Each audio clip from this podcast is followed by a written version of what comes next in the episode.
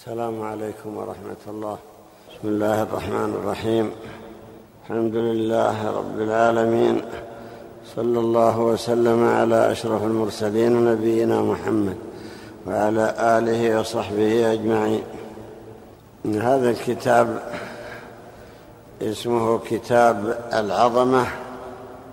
يذكر فيه الأدلة على عظمة الخالق سبحانه وتعالى الذي ابتدأ خلق هذا الكون وخلق ما فيه من آيات ومن عجائب هذه المخلوقات وقد أخبر سبحانه بأنه خلق السماوات والأرض في ستة أيام ثم استوى على العرش مع أنه تعالى قادر على أن يخلقها.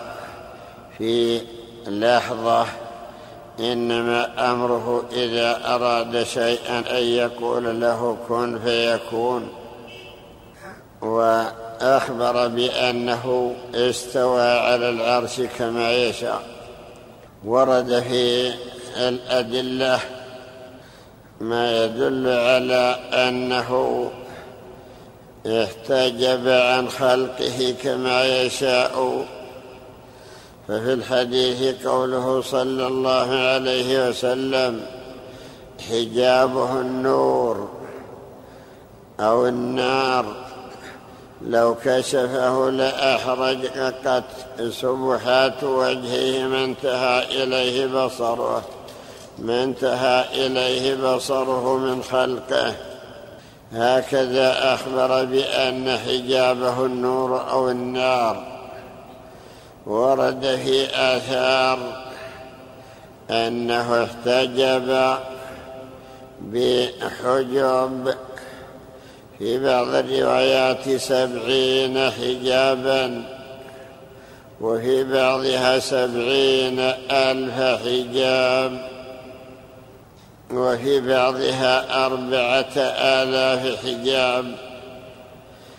ولعل الاختلاف بسبب غلاظ تلك الحجوب حيث ذكر في بعضها أنها أن كل حجاب من النور الطباق ما بين السماء والأرض وأن من عدها أربعة آلاف أو سبعين ألفا أو سبعمائة أو سبعة آلاف أو سبعين حجابا أراد بذلك غلظ تلك الحجب أو رقتها. الله أعلم بكيفيتها إلا أن النبي صلى الله عليه وسلم أثبت أنها من النور ولذلك ورد في الصحيح أن النبي صلى الله عليه وسلم لما سئل هل رأيت ربك فقال نور أنا أراه. أي احتجب تعالى بالأنوار فلا يقدر أحد أن يثبت أمام عظمته. ولذلك حكى الله تعالى عن موسى. أنه لما قرب من ربه وسمع كلامه طالب الرؤيا. قال الله تعالى وناديناه من جانب الطور الأيمن وقربناه نجيا. هكذا أخبر بأنه قربه. ناداه وناجاه والمناجاة لا تكون إلا بين اثنين أي كلاما لا يسمعه إلا المتناجيان. قربه الله نجيا. ثم إنه عليه السلام قال رب أرني أنظر إليك. طلب أن يتمكن من رؤية ربه ولكن أخبر الله تعالى بأنه لا يقدر على رؤية ربه في هذه الدنيا. فقال لن تراني ولكن انظر إلى الجبل فإن استقر مكانه فسوف تراني. فلما تجلى ربه للجبل جعله دكا. الجبل جبل الطور جبل عظيم من أكبر الجبال وأشدها. لما تجلى الرب بشيء قليل من ذاته اندك الجبل من آثار عظمة الله تعالى وهيبته. فهذا دليل على أنه سبحانه قد احتجب من خلقه بهذه الحجب التي بين دونهم. ولذلك لو كما ورد في الحديث كشف ذلك النور لاحترق الخلق الذين الذين يتمثلون برؤية الله تعالى أو يرونه. فلذلك قال لو كشفه لأحرقت سبحات وجهه ما انتهى إليه بصره من خلقه. هكذا أخبر صلى الله عليه وسلم. ولا شك أن هذا دليل واضح على عظمة الله تعالى وعلى أن المخلوقات لا تثبت أمام عظمته. ثم إن في تلك الأحاديث التي تذكر أو التي يذكر فيها هذه الحجوب شيء من المبالغة ولكن إذا اعتمدت على أنها صحيحة وثابتة فإن على المؤمن أن يتقبلها. وأن لا يرد شيئا منها وأن يعترف بأنه يصدق بعضها بعضا فيما يتعلق بعدد الحجوب وغلظ كل حجاب وكونها حجبا من النار أو حجبا من النور أو حجبا من الظلمات كما يشاء الله.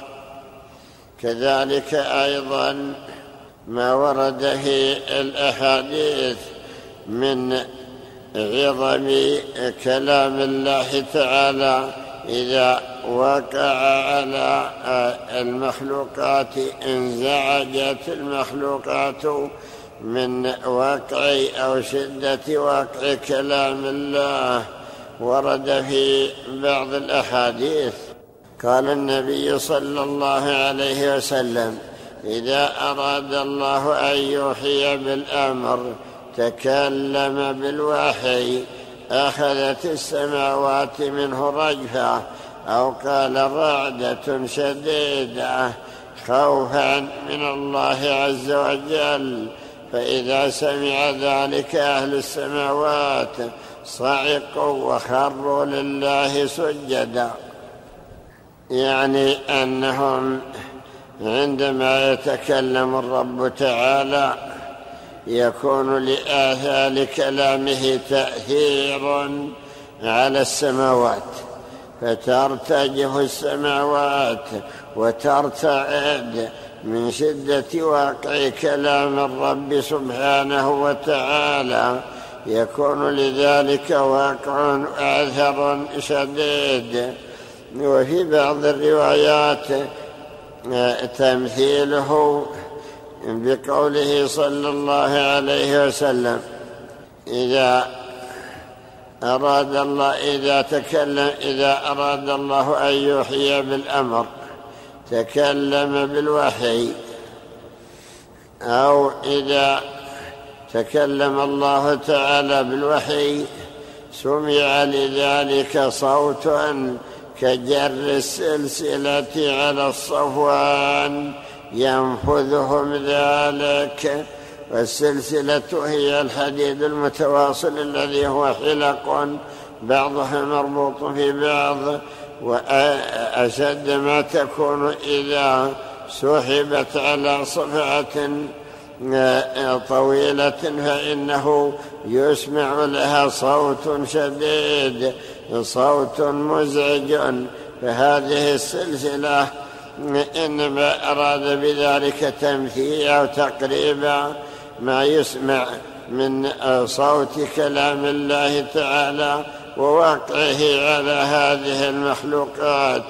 كجر السلسلة على الصفوان يسمع لذلك صوت شديد يفزع من من سمعه. ولذلك قال تعالى حتى إذا فزع عن قلوبهم أي زال عنها الفزع فأهل السماوات من الملائكة إذا سمعوا صوت كلام الله أو رجفة هذه المخلوقات صعقوا وخروا لله سجدا خوفا أن يكون هناك أمر جلل يحصل منه عذاب أو تأثير على المخلوقات فهذا وقع كلام الله تعالى على هذه المخلوقات مع أنها جمادات ومع عظمها ترتجف السماوات وتأخذها لعدة شديدة. من من صوت كلام الرب سبحانه وتعالى فرؤيته وتجليه لا تثبت له هذه المخلوقات وكذلك وقع كلامه لا يثبت له شيء من هذه المخلوقات. كل ذلك دليل على عظمة الخالق سبحانه وتعالى. وهكذا أيضا ارتفاعه فوق عباده كما ورد في بعض الآثار أن أقرب الملائكة عند الله تعالى جبريل وميكائيل وإسرافيل وأنه بينهم وبين ذات الرب تعالى نحو أربعة آلاف سنة أي مسيرة هكذا؟ قالوا ذلك على وجه التقريب وإلا فلا يعلم قدرها إلا الله تعالى. ومع ذلك لا شك أنه سبحانه يكلم الملائكة إذا شاء. يكلم جبريل إذا رفع رأسه بعد إحداث الله تعالى الأمر في السماوات. ويسمع جبريل كلامه وقد سمع كلامه موسى عليه السلام وسمعه النبي صلى الله عليه وسلم لما أسري به وتسمعه الملائكة. ومع ذلك فإن الله يقويهم حتى يثبت للسماع وإلا فشدة وقع الكلام على المخلوقات يسبب عدم الثبات إلا أنه تعالى يثبت من يشاء. وقد اعترف الخلق بأن ربهم سبحانه وتعالى علي على عباده وأنه فوق عباده. كما أخبر بقوله وهو القاهر فوق عباده يعترف أهل السنة بصفة الفوقية بكل أنواع الفوقية أي أنه فوقهم بذاته كما يشاء وفوقهم بالقهر وفوقهم بالقدر وبالغلبة وأنه فوق عرشه كما يشاء ثم يعترفون بأن هذه الفوقية لا تنافي قرب الرب تعالى من عباده وسماعه لكلامهم. وقد تقدم أنه لما نزل قول الله تعالى وإذا سألك عبادي عني فإني قريب أجيب دعوة الداعي إذا دعان. كان سببها أنهم سألوا ربهم فقالوا يا رسول الله أقريب ربنا فنناجيه أم بعيد فنناديه؟ فأخبر بأنه قريب. وما ذكر في القرآن من قرب الله تعالى ومعيته مع عباده لا ينافي ما ذكر من علوه سبحانه وفوقيته فوق عباده فإنه ليس كمثله شيء وهو السميع العليم. وقد أخبر تعالى بأنه سميع قريب وأخبر بأنه مع عباده بقوله وهو معكم أينما كنتم وبقوله لا تحزن إن الله معنا وأخبر تعالى بأنه يعلم ضمائرهم ويعلم أحوالهم ويطلع على ما يكنونه ولا تخفى عليه منهم خافية. وقال تعالى ونحن أقرب إليه من حبل الوريد. فما ذكر من علوه وفوقيته لا ينافي ما ذكر من قربه ومعيته فهو تعالى قريب في علوه علي في دنوه كما يشاء وأنه تعالى عظيم كما سمى نفسه بقوله فسبح باسم ربك العظيم وأن مخلوقاته مهما كبرت فإنها صغيرة بالنسبة إلى عظمته.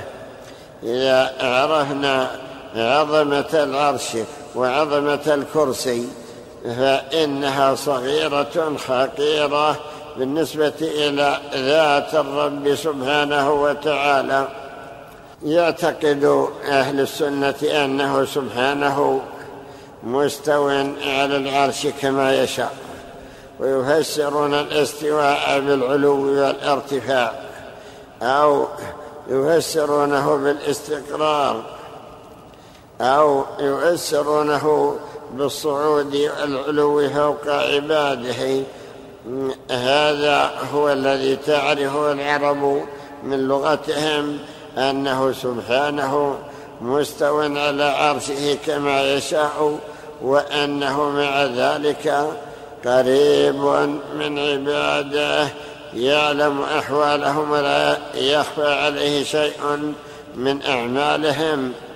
والحكمة في ذلك أن يراقبه العباد وأن يخافوه أشد الخوف وأن يؤمنوا به ويستحضروا أنه يعلم أحوالهم ويطلع على أعمالهم ويحاسبهم على ما يقولون فلا يتجرؤون على ذنب أو معصية قد حرمها عليهم إذا علموا بأنه يحاسبهم ويعلم أحوالهم. هذا هو فائدة معرفة العبد بصفات الله تعالى. بصفته سميعا يسمع أحوال كلامهم وبصيرا يرى أماكنهم وعليما يعلم ما تكنه صدورهم وقريبا قريب منهم ومهيمنا أي مستوليا عليهم. مسيطرا عليهم وقديرا قادرا على كل شيء. لا يخرج شيئا عن قدرته. من آمن بذلك كله فإنه يعبده حق العبادة ويخافه أشد الخوف. والآن نستمع إلى القراءة. بسم الله الرحمن الرحيم. الحمد لله رب العالمين. الصلاة والسلام على أشرف المرسلين نبينا محمد وعلى آله وصحبه أجمعين. قال رحمه الله تعالى حدثنا عبد الله بن محمد بن زكريا قال حدثنا سعيد بن يحيى قال حدثنا مسلم بن خالد الزنجي. عن أبي بكر الهذلي رحمه الله تعالى قال ليس من الخلق أقرب إلى الله عز وجل من إسرافيل. قال بينه وبين الله عز وجل سبعة حجب حجاب من نور وحجاب من غمام حتى عد سبعة لا أحفظها. قال وله جناح بالمشرق وجناح بالمغرب وجناح في الأرض السابعة وجناح عند رأسه. وهو واضع رأسه بين جناحيه فإذا أمر الله عز وجل بالأمر تدلت الألواح على إسرافيل مما فيها من أمر الله مما فيها من أمر الله تعالى فينظر فيها إسرافيل ثم ينادي جبريل فيجيبه فلا يسمع صوته أحد من الملائكة إلا صعق. فإذا أفاقوا قالوا ماذا قال ربكم؟ قالوا الحق وهو العلي الكبير. وإن ملك الصور الذي وكل به إحدى قدميه لفي الأرض السابعة وهو جاثم على ركبتيه شاخص بصره إلى إسرافيل. ما طرف به منذ خلقه الله عز وجل ينتظر متى يشير إليه فينفخ بالصور قال حدثنا الوليد قال حدثنا إسحاق بن إبراهيم قال حدثنا حجاج قال حدثنا حماد. عن عاصم بن بهدلة عن زر بن حبيش عن ابن مسعود رضي الله عنه قال ما بين السماء الدنيا والتي تليها مسيرة خمسمائة عام وما بين السماء الثالثة والتي تليها وبين الأخرى مسيرة خمسمائة عام وبين كل سماءين مسيرة خمسمائة عام وبين السماء السابعة وبين الكرسي خمسمائة عام والعرش فوق الماء. والله عز وجل فوق العرش وهو يعلم ما أنتم عليه. قال حدثنا الوليد قال حدثنا محمد بن عمار قال حدثنا يحيى قال حدثنا شب عن ابن أبي نجيح عن مجاهد رحمه الله تعالى في قوله عز وجل وقربناه نجيا. قال بين السماء السابعة وبين العرش سبعون ألف حجاب. حجاب نور وحجاب ظلمة وحجاب نور وحجاب ظلمة. فما زال موسى عليه السلام يقرب حتى كان بينه وبينه حجاب. فلما رأى مكانه وسمع صريف القلم قال رب أرني أنظر إليك. قال حدثنا الوليد قال حدثنا أبو حاتم قال حدثنا سعيد الطالقاني قال حدثنا هشيم. عن أبي بشير عن مجاهد رحمه الله تعالى قال بين العرش وبين الملائكة سبعون حجابا. حجاب من نار وحجاب من ظلمة وحجاب من نور وحجاب من ظلمة. قال قال جدي رحمه الله تعالى أخبرت عن إدريس بن سنان عن أبيه عن جده وابن منبه. وهب بن منبه رحمه الله تعالى قال بين ملائكة حملة الكرسي وبين ملائكة العرش سبعون حجابا من الظلمة. وسبعون حجابا من البرد وسبعون حجابا من الثلج وسبعون حجابا من النور. غلظ كل حجاب منها مسيرة خمسمائة عام ومن الحجاب إلى الحجاب مسيرة خمسمائة عام ولولا تلك الحجب لاحترقت ملائكة الكرسي من نور ملائكة العرش. فكيف بنور الرب سبحانه وتعالى الذي لا يوصف؟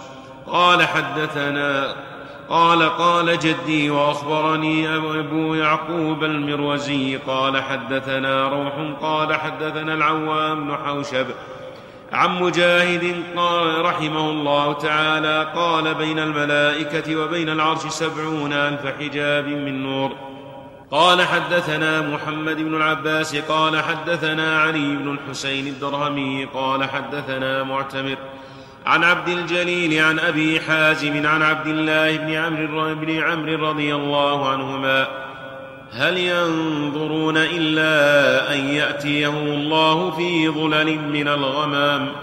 قال يهبط حين يهبط وبينه وبين خلقه سبعون ألف حجاب منها النور والظلمة والماء فيصوت الماء في تلك الظلمة صوتا تنخلع له القلوب.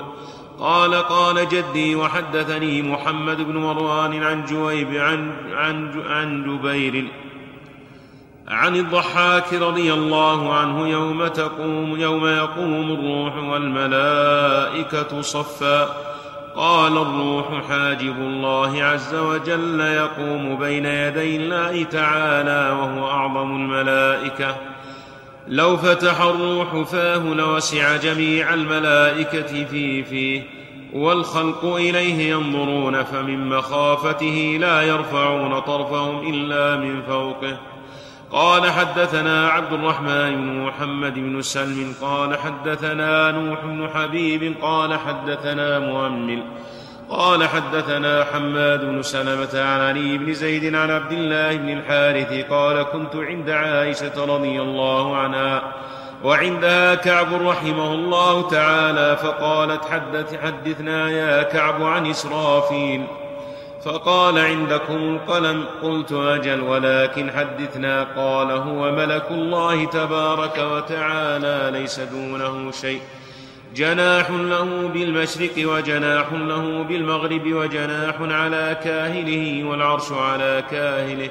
فقالت عائشة رضي الله عنها هكذا سمعت النبي صلى الله عليه وسلم يقول قال كعب رحمه الله واللوح على جبهته فإذا أراد الله أمرا أثبته في اللوح. قال حدثنا أحمد بن محمد بن شريح قال حدثنا محمد بن رافع النسابوري قال حدثنا إسماعيل قال حدثنا عبد حدثني عبد الصمد بن معقل قال سمعت وهبا رحمه الله تعالى يقول إن أذني الملائكة من الله إن أدنى الملائكة من الله تعالى جبريل وميكائيل فإذا ذكر عبدا بأحسن عمله قال فلان ابن فلان عمل كذا وكذا من طاعتي صلواتي عليه ثم سأل ميكائيل جبريل أحدث ربنا فيقول فلان ابن فلان ذكره بأحسن عملي فصلى عليه صلوات فصل عليه صلوات الله عليه فلا يزال يقع من سماء إلى سماء حتى يقع إلى الأرض.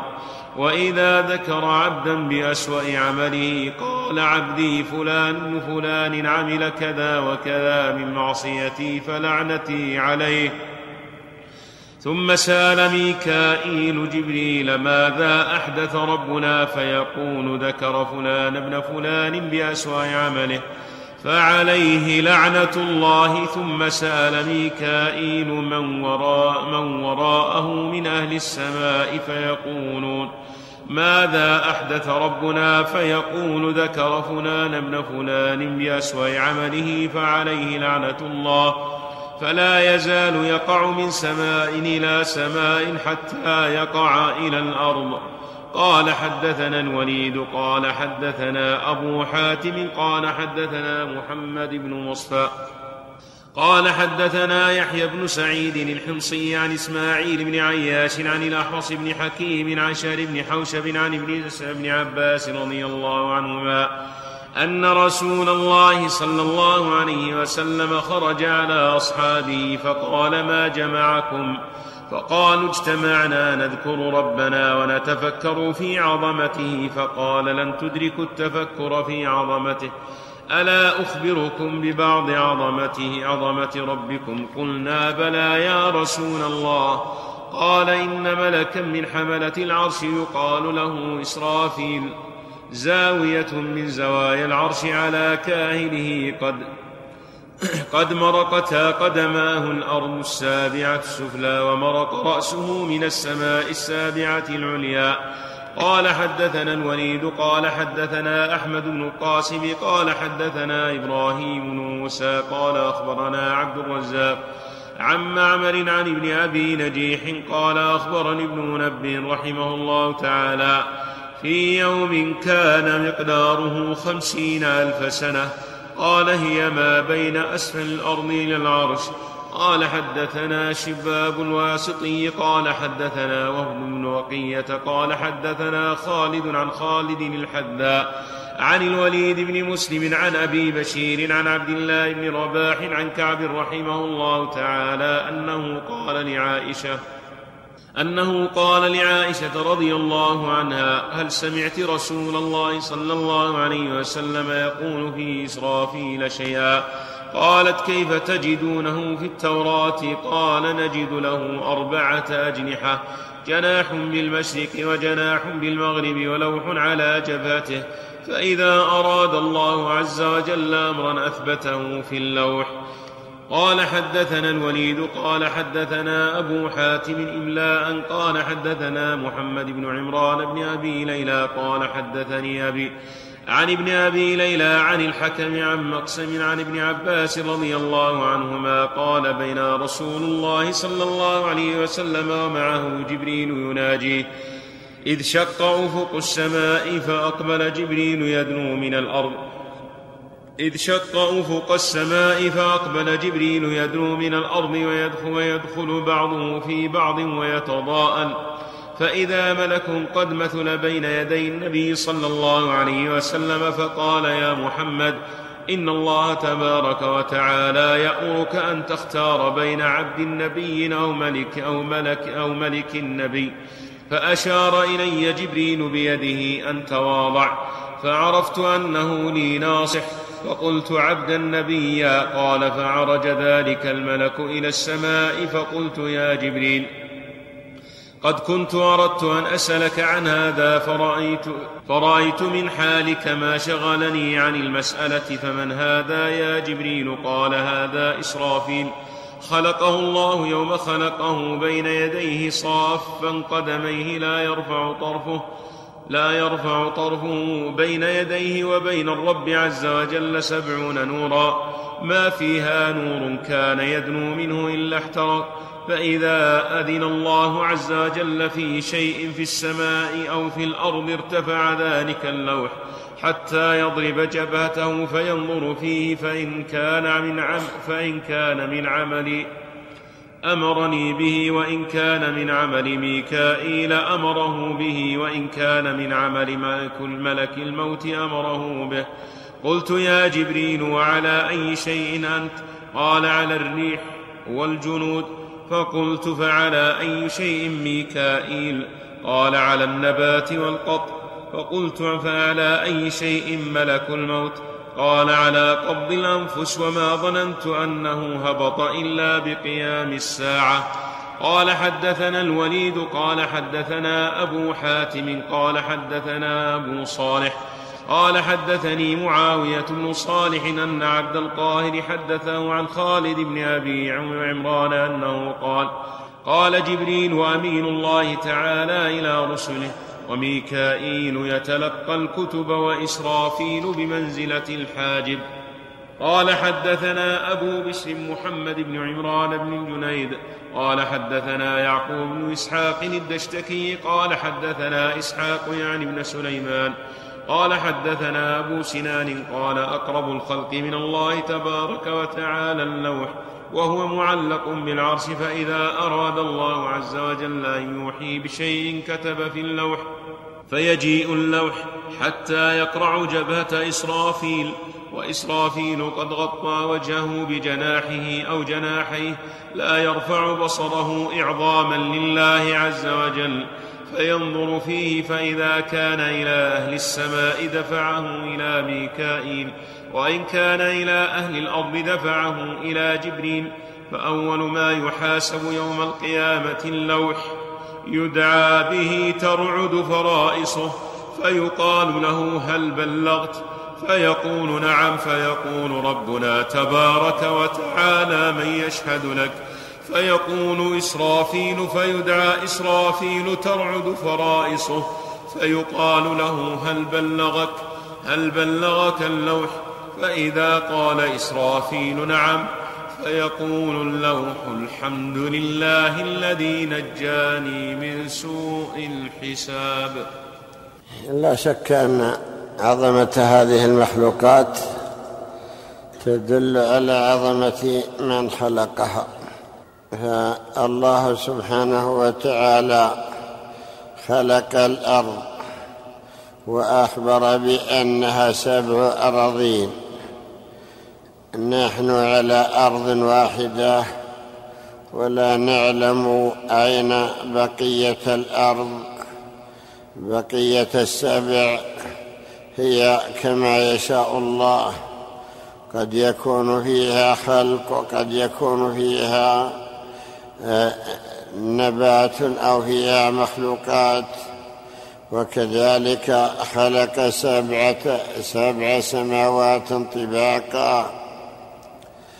وجعل وأوحى في كل سماء أمرها ولا شك أن كل سماء فيها ملائكة وفيها أمر ونهي ووحي وقد ورد في الأحاديث أن ما بين كل سماءين مسيرة خمسمائة سنة ليس مئة ولا خمسين ولا عشر سنين. خمسمائة سنة مسيرتها ما بين السماءين. وكذلك غلظ كل سماء بهذا المقدار أيضا. وكذلك ما فوق السماء السابعة من البحار ومن الأنوار ومن الحجب ومن حملة العرش. كل ذلك من خلق الله وكلها صغيرة بالنسبة إلى عظمة الخالق سبحانه وتعالى. فإذا عرفنا عظمة هذه المخلوقات فإنها تدل على عظمة من خلقها.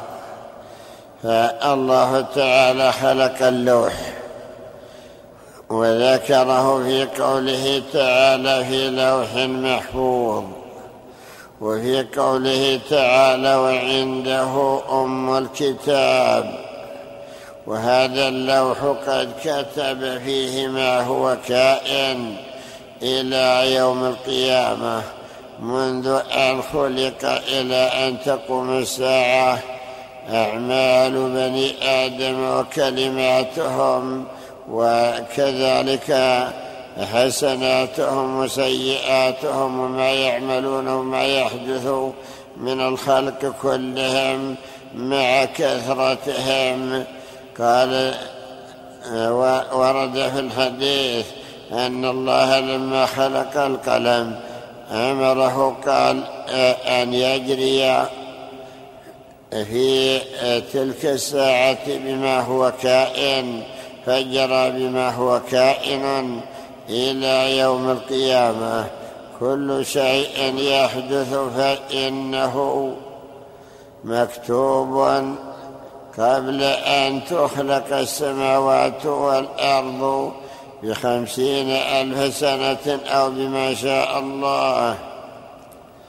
فسر بعض العلماء قول الله تعالى قوله تعالى تعرج الملائكة والروح إليه في يوم كان مقداره خمسين ألف سنة. خمسين ألف سنة. قالوا إن المراد بعد ما بين الأرض السابعة إلى العرش أنه خمسون ألف سنة. فذكر بعضهم أن كل سماء كثفها خمسمائة سنة وما بينها وبين السماء التي تليها خمسمائة سنة. فتكون السماوات أي من السماء الدنيا إلى السماء السابعة سبعة آلاف سنة. والأرضون كذلك. أي كل أرض بينها وبين الأرض الأخرى خمسمائة سنة وغلظها خمسمائة سنة. فتكون الأرضون أيضا سبعة آلاف. فمن أسفل السماء الأرض السابعة إلى أعلى السماء السابعة سبعة أربعة عشر ألف سنة. وما بين السماء السابعة والعرش ستة وثلاثون ألف سنة. يعني مسيرة أو مقدار ما بينهما. ولا شك أن هذا دليل على عظمة هذه المخلوقات. كذلك أيضا عظمة حملة العرش.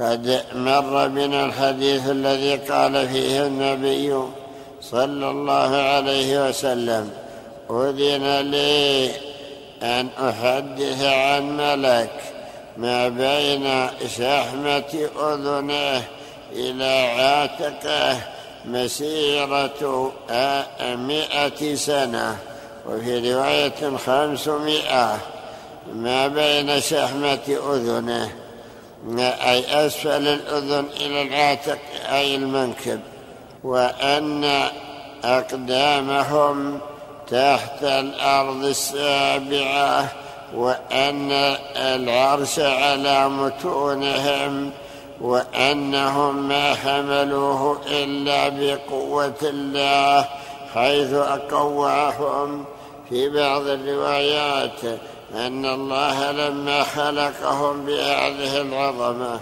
قالوا يا رب لأي شيء خلقتنا؟ قالوا قال لحمل عرشي.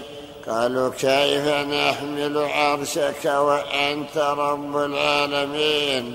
فقال احملوه بالتسبيح أو بتقويتي لكم. فكانوا يسبحون. فأعانهم الله تعالى بذلك التسبيح على قدرتهم على حمل العرش. ولذلك قال تعالى الذين يحملون العرش ومن حوله يسبحون بحمد ربهم يسبحون بحمد ربهم ويؤمنون به. هكذا أخبر بأنهم يسبحون قال بعضهم بعض المفسرين إنهم دائما يسبحون.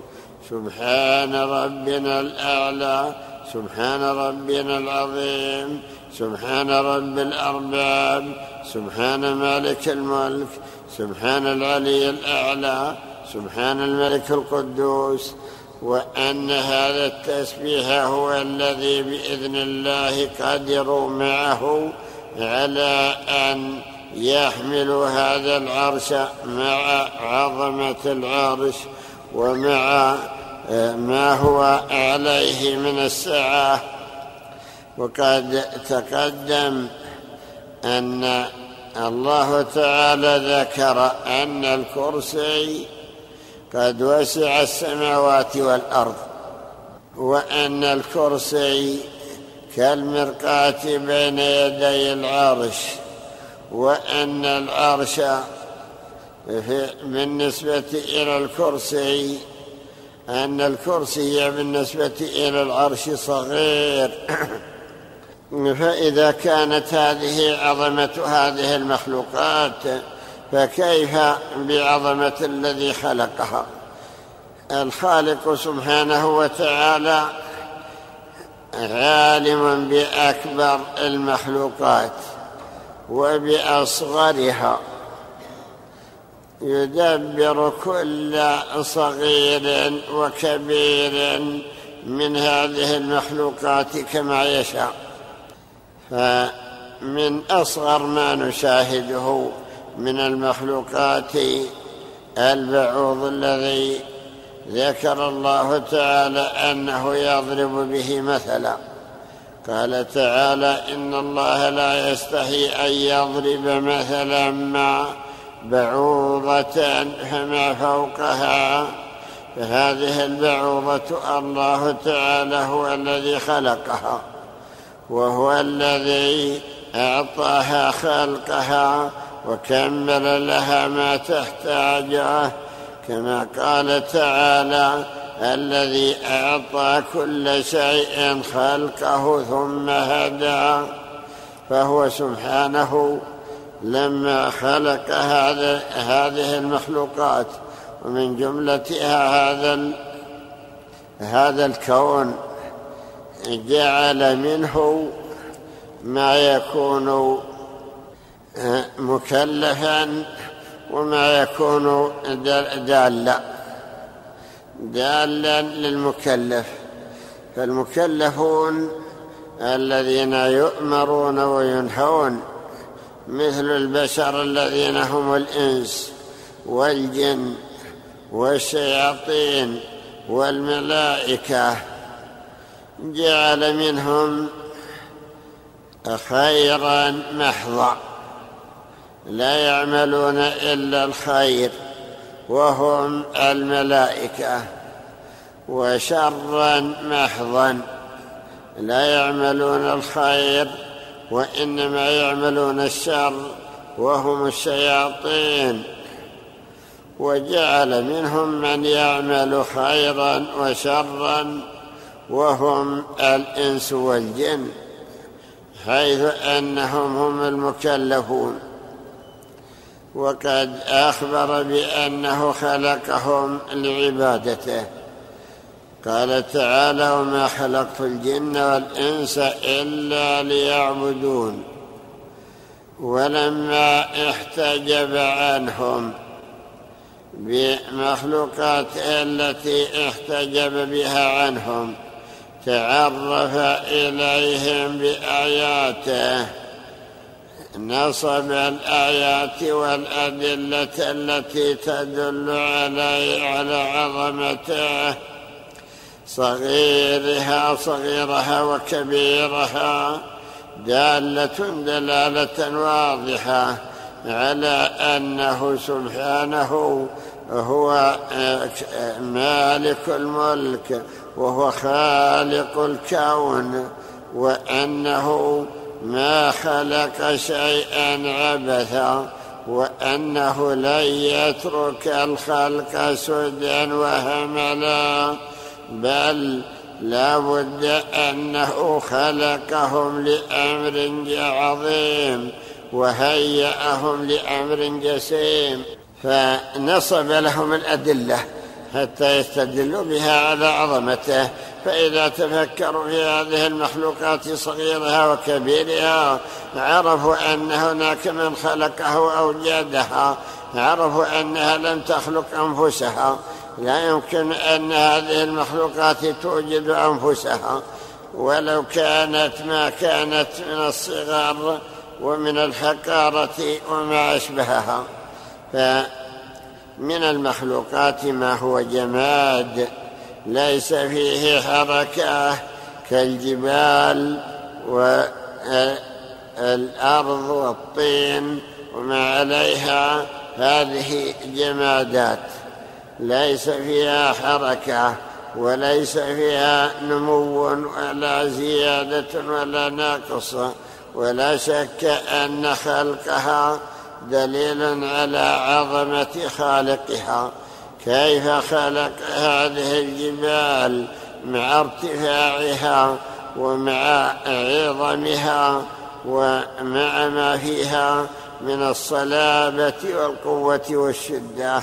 كذلك أيضا خلق النبات الذي ينمو وإن لم يكن فيه روح وإن لم يكن له حركة ولكن له نمو ونبات وزيادة وفروع ثمار وأغصان وأفنان وأوراق. لا شك أن إنباته للنبات بعدما تكون الشجرة صغيرة كالإصبع أو نحوه ثم بعد ذلك تنمو. حتى تتفرع لها فروع وتكون كبيرة. كيف نبتت وكيف نمت وكيف كبرت؟ دلالة ذلك على عظمة من خلقها. دلالة واضحة. ولذلك أخبر الله تعالى بأنه إذا أنزل هذا الماء على الأرض أخرجت من أنواع النباتات المختلفة الزهور والطعوم والألوان والروائح والطبائع والأشكال والأضراب وأنه جعل ذلك من البراهين على إحياء الموتى بعدما تتفرق أبدانهم وبعدما تأكلهم الأرض كما في قوله تعالى كذلك نخرج الموتى. كذلك أيضا خلق الحيوانات التي فيها أرواح وفيها أنفس متحركة تتحرك بطبعها فمنها ما يطير ما يكون له أجنحة تطير بها كما تشاء وكما يشاء الله تعالى ومنها ما تسير على الأرض ومنها صغير ومنها كبير. وأخبر تعالى بأن من جملة من يطير الملائكة. قال الله تعالى جاعل الملائكة رسلا أولي أجنحة مثنى وثلاث ورباع. يعني منهم من له جناحان أو ثلاثة أجنحة أو أربعة. يعني هذا هو الأصل أو الغالب ولكن قد ورد أن بعضهم له عدة أجنحة. ورد أن منهم جبريل عليه السلام وهو ملك الوحي. وأن له ستمائة جناح كل جناح منها مد يسد الأفق. وذكروا أن النبي صلى الله عليه وسلم ما رآه في صورته التي خلق عليها إلا مرتين. ذكرت الأولى في قوله تعالى ولقد رآه نزلة أخرى والثانية في قوله تعالى ولقد رآه بالأفق المبين ذكر في بعض الأحاديث كما سمعنا أن جناحا في أسفل الأرض السابعة وجناحا في أعلى السماء السابعة أو أن جناحا في المشرق وجناحا في المغرب. من الذي يقدر قدره وهذا وهذا وهكذا خلقه الله. إذا كان هذا مخلوق من مخلوقات الله تعالى من أصغر مخلوقاته. فكذلك أيضا بقية المخلوقات صغيرها وكبيرها كلها دالة على عظمة من أوجدها على عظمة من خلقها سبحانه وتعالى. ولا شك أن التفكر في هذه المخلوقات يدل العاقل على أن الذي خلقها هو المستحق لأن يعبد وحده.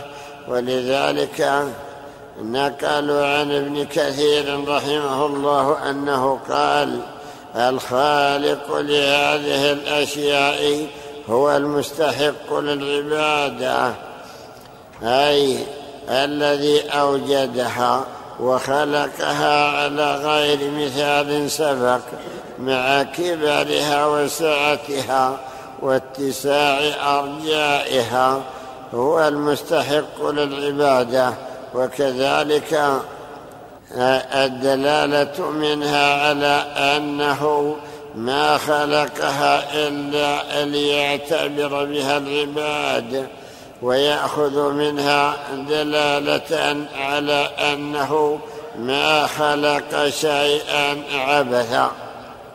كل المخلوقات التي هي موجودة على وجه الأرض فانها لحكمة ولو كان في بعضها ضرر على الإنسان.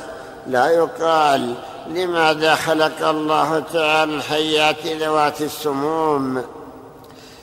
لا شك أن فيها حكمة من خلقها أو لماذا خلق الله السباع الأسود والذئاب التي تفترس والتي تعد على الناس وتقتل أو تذبح دوابهم لا شك أنه خلقها لحكمة. وأقل شيء أن يستدل بذلك على أنه تعالى خلق الأضداد خلق كل شيء وضده. وكما في قول الله تعالى ومن كل شيء خلقنا زوجين لعلكم تذكرون. قيل المراد بالزوجين الذكر والأنثى كما في قول الله تعالى لنوح احمل فيها من كل زوجين اثنين وقيل المراد بالزوجين المراد بالزوجين ها هنا ما يتقابلان أي كل اثنين متقابلين. فيقال مثلا الشمس والقمر زوجان والليل والنهار زوجان والسماء والأرض زوجان والنور والظلمة زوجان وهكذا. ولا شك أن اللفظ يعم جميع ذلك. يعم القول بأن الله تعالى خلق المتضادين كما خلق الداء والدواء. يعني أنزل الأمراض وأنزل الأدوية التي هي علاج لها فكذلك خلق الموت والحياة وخلق الذكر والأنثى وأشباه ذلك. يستدل بذلك كله على أن الخالق لهذه الأشياء أمر عباده بأن يعتبروا بذلك ويعبدوه حق عبادته. وإذا قيل لماذا الخلق الكثير؟ لم يعرفوه ولم يعترفوا بحقه ولم يعبدوه حق عبادته مع أنه تعرف إلى عباده بهذه تعرف إلى عباده بهذه المخلوقات التي نصبها دالة على عظمته. فالجواب أنه تعالى أخبر بأن الكثير من عباده لا يتفكرون ولا ينظرون ولا يعتبرون فيما بين أيديهم وفيما خلفهم وأنه سلط عليهم ما أذهب بصائرهم وذلك لأنه خلق الخلق وجعل منهم قسما للنار وقسما للجنة. قال الله تعالى ولقد ذرأنا لجهنم كثيرا من الجن والإنس لهم قلوب لا يفقهون بها ولهم أعين لا يبصرون بها ولهم آذان لا يسمعون بها أولئك كالأنعام أولئك كالأنعام بل هم أضل. فهؤلاء الذين ينظرون في آيات الله تعالى وينظرون في مخلوقاته ويسمعون كلامه يتلى عليهم وكذلك أيضا لهم عقول ولهم أفهام لكن عقولهم وأفهامهم عقول معيشية دنيوية. لا لا يتفكرون إلا في أمورهم الدنيه في أمور الدنيا. لذلك آه، صدهم آه، نقص عقولهم عن أن يتفكروا في المخلوقات. وإلا فلو تفكروا في أدنى المخلوقات إليهم أو في أنفسهم لعرفوا عظمة من خلقهم.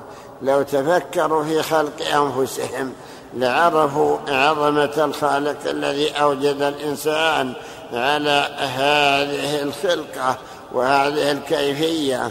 وكذلك لو تفكروا في المخلوقات صغيرها وكبيرها لعرفوا أيضا أنه سبحانه هو الذي اوجدها وأنه أهل أن يعبد. ثم من حكمة الله تعالى أنه سلط الأعداء الذين يصدون عن سبيل الله وإلا فلو لم يكن هناك أعداء يصدونهم عن السبيل لما حصل هذا الإعراض وهذا الابتعاد من كثير من العباد. والله أعلم.